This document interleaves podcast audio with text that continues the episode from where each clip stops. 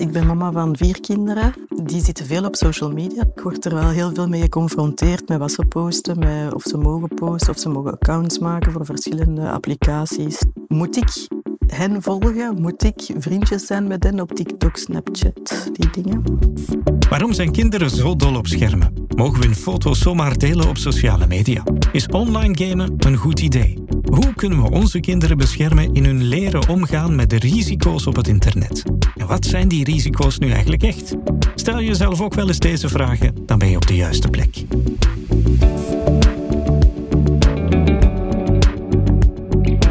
Welkom bij Digitaal Ouderschap, een podcast van Beddernet, Belgische Centrum voor een Veiliger Internet. In elke aflevering delen een ouder en een expert hun ervaringen om een antwoord te bieden op al je vragen over de digitale gewoonten van kinderen, gezinnen en ouders.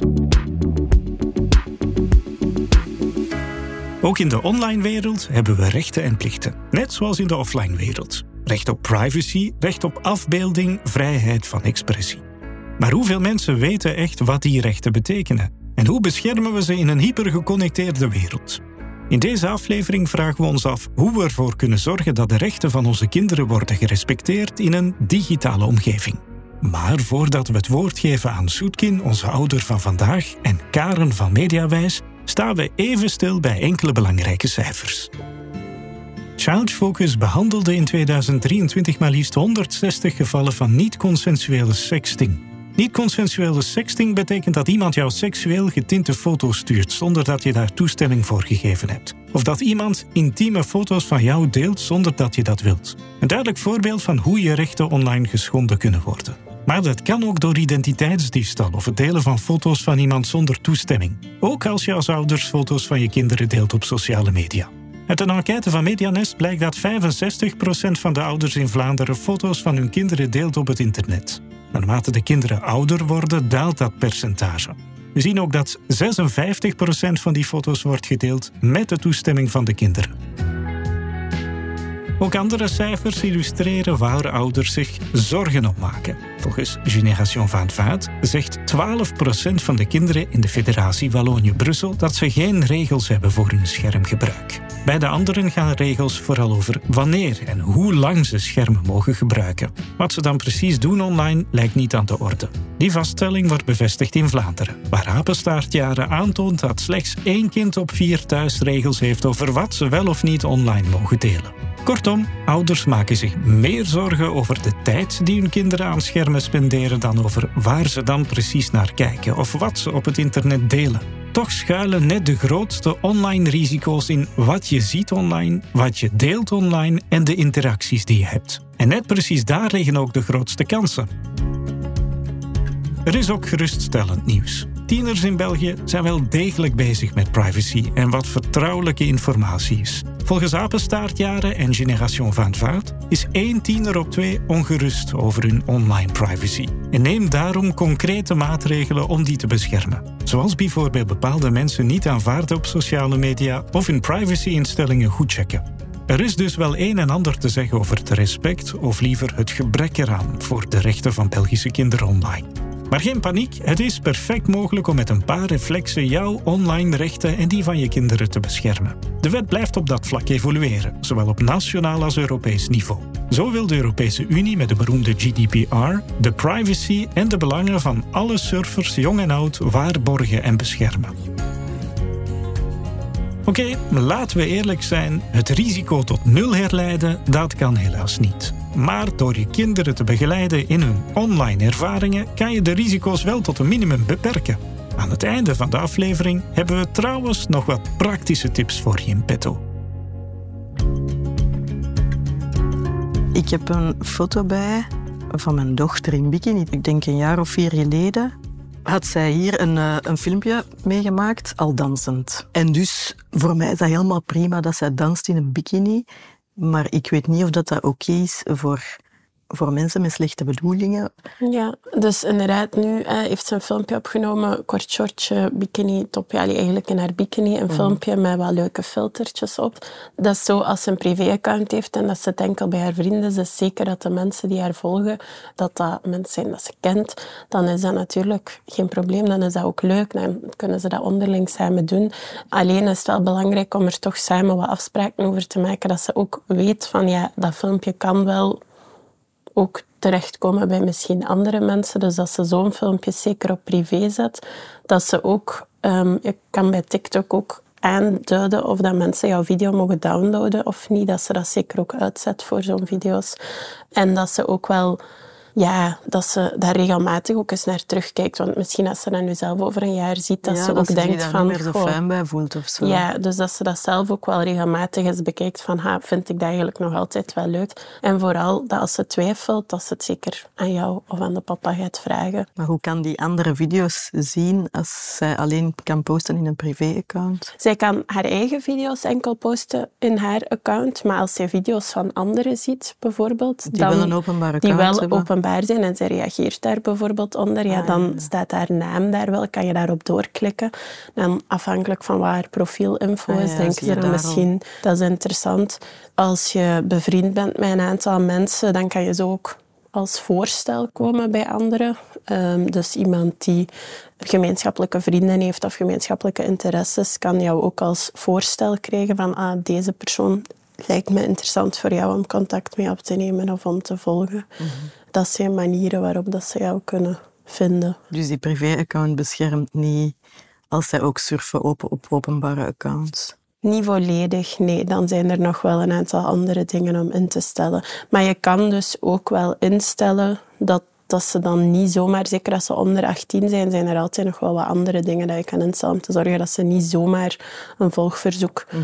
kunnen krijgen. Of je hebt ook een aantal instellingen. Je kan bijvoorbeeld als ouder ook een account maken en dat daaraan koppelen. En dan kan je zo ook zorgen dat bijvoorbeeld een volgverzoek eerst langs jou moet komen. Maar dat wist ik niet. Dat kan, dat heet TikTok Family Pairing. En dat is eigenlijk echt zo de functie voor ouderlijk toezicht. Zeker als ze jong zijn en net hun eerste stappen zetten op TikTok, is dat wel interessant om bijvoorbeeld mee te kunnen kijken van welke volgverzoeken krijgen ze. TikTok Family Pairing. Ja. Onthouden.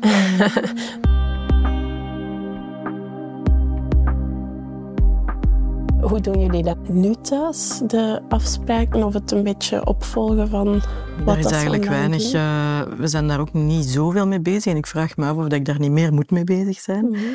Dat loopt wel allemaal nu. Ze moesten dus een privé-account hebben, dat waren de afspraken van in het begin.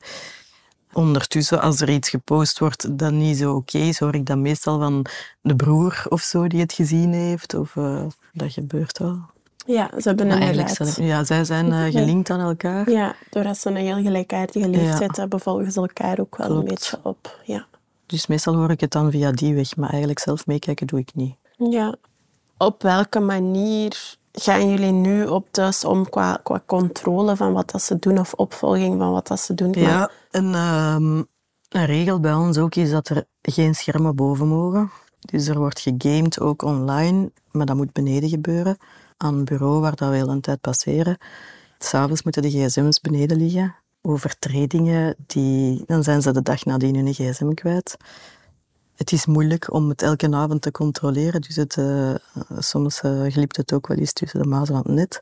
En dat is een vorm van controle voor ons, omdat ze, ik weet dat je kunt hun scherm uitzetten, maar dan kunnen ze nog altijd tot s'nachts spelletjes spelen offline of... Uh, dus voor ons is dat een vorm van controle, ook met wie ze praten terwijl ze gamen, wat ze zeggen.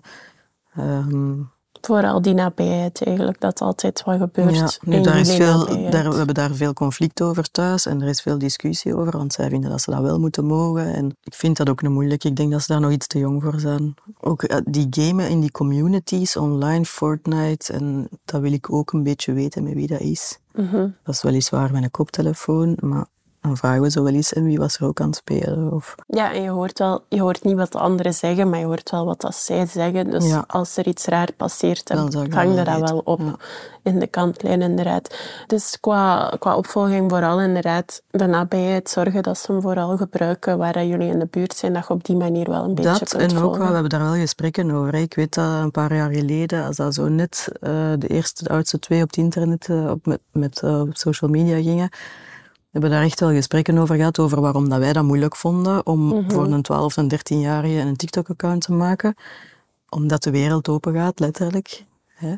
Wel is een beetje uitgelegd in hun taal waarom dat wij ons zorgen maken daarover. Dat er ook mensen zijn met slechte bedoelingen. En ik weet, ik denk dat er wel iets van is blijven hangen, want ik denk toen een jaar of drie geleden, maar ik weet niet meer op welke app, zei mijn dochter of mijn zoon vroeg dat, dat er, dat er iemand gevraagd had, eh, stuur eens een foto van je buik. En die heeft hem direct ontfriend en, en gestopt. Dat kwam hem dan vertellen, wat ik heel goed vond. Dat is inderdaad heel goed. Een goede reflex. Dus dat is een vorm van controle. Hè. Blijven communiceren met hen, denk ik, uitleggen waar dat ons bezorgdheid in zit. Maar ja, dat is super, denk ik. Het open gesprek, het nabij proberen zijn op die manier.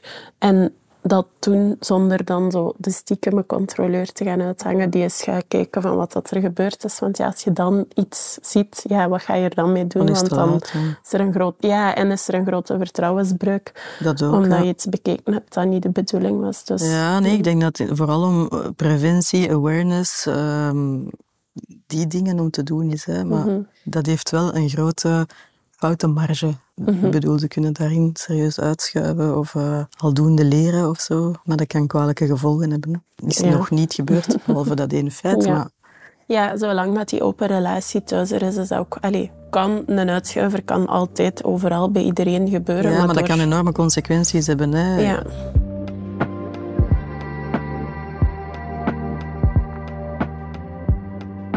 Er is ook nog een stukje over zo sharenting. Ik weet niet of je weet wat dat is. Het stukje van wat deel je zelf iets online van kinderen, van je kinderen. Maar voordat dat we het daarover hebben, wil ik gewoon vragen, is er nog iets over heel die sociale media wereld, privacy, bewaken, het controleren van wat dat ze doen online, afspraken waar je vragen over hebt?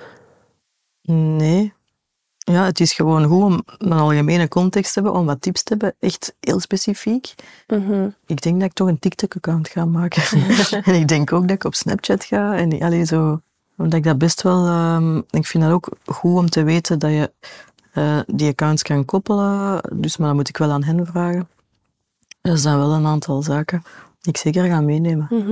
Ehm, post jij of je partner soms foto's of andere berichten over de kinderen op Facebook of naar andere mensen via WhatsApp? Ik moet zeggen dat ik zelf heel weinig post op Facebook. Ik ben meer een voyeur. Maar eh, denk één keer per jaar of zo van op vakantie sturen we wel eens een familiefoto. Ja, Maar dus ja, dus eigenlijk posten wij wel. Onze kinderen zijn zichtbaar één keer per jaar, denk ik, door onze Facebook. Ja. Ik sta daar misschien te weinig bij stil. Ehm, maar op zich, je zegt het ook, één familiefoto per jaar. Ja, dat is ook niet veel. Het is niet dat je elk minuscuul dingetje dat er gebeurt Nee, zeker ehm, niet. deelt. Of dat als ze ergens boos op staan of verdrietig, dat dat ook ergens verschijnt. Dus dat Nee. doet ook al veel. Het is één schone familiefoto. Ehm, als herinnering aan de vakantie of zo, dat is al iets helemaal anders. Alles zou delen, dan zouden we wel zeggen van ja, weten ze dat? Wat vinden de kinderen daarvan? Heb je dat afgecheckt bij de kinderen? Omdat eigenlijk, ja, je zegt zelf ook van je brengt niet zomaar iemand in beeld, bijvoorbeeld broer of zus, maar evenzeer vrienden, zonder dat te vragen. Dus ja, is het maar normaal dat je zelf ook die reflex hebt om dat dan te doen. Maar ja, vermits dat het gaat over die ene familiefoto op een jaar, is dat ook logisch dat je daar niet per se... Om deze aflevering af te sluiten geven we je drie tips om de online rechten van je kinderen te beschermen. We zeggen er meteen bij dat je daarvoor niet alles hoeft te controleren en al zeker geen internetgeek hoeft te zijn. Als ouder is het jouw taak om enkele basisprincipes over te brengen die ervoor helpen zorgen dat je kinderen zowel online als offline worden gerespecteerd.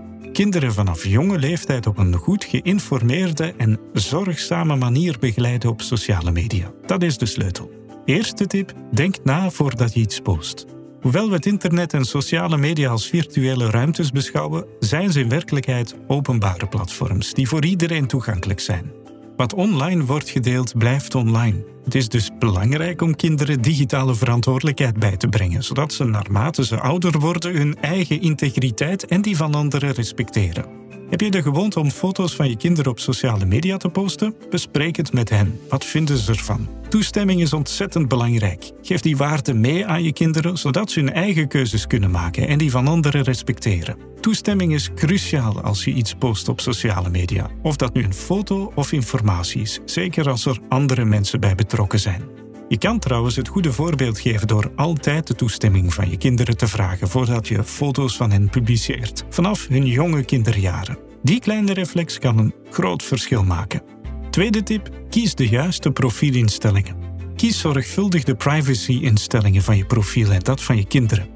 Stel je daarbij de volgende vragen. Wie kan zien wat ik deel? Wie kan contact met mij opnemen en hoe kan ik voorkomen dat iemand dat doet? Praat erover met je kinderen en leg uit hoe belangrijk het is om een privéprofiel te hebben en niet constant persoonlijke informatie te delen. Hou er rekening mee dat bepaalde gegevens, zoals je naam en profielfoto, standaard openbaar zijn op de meeste platforms. Kies dus voor een neutrale en niet suggestieve profielfoto. Andere informatie, zoals je telefoonnummer of e-mailadres, kan je privé houden of beperkt delen. Beslis samen met je kinderen wat het meest geschikt is, op welk platform en op welke leeftijd.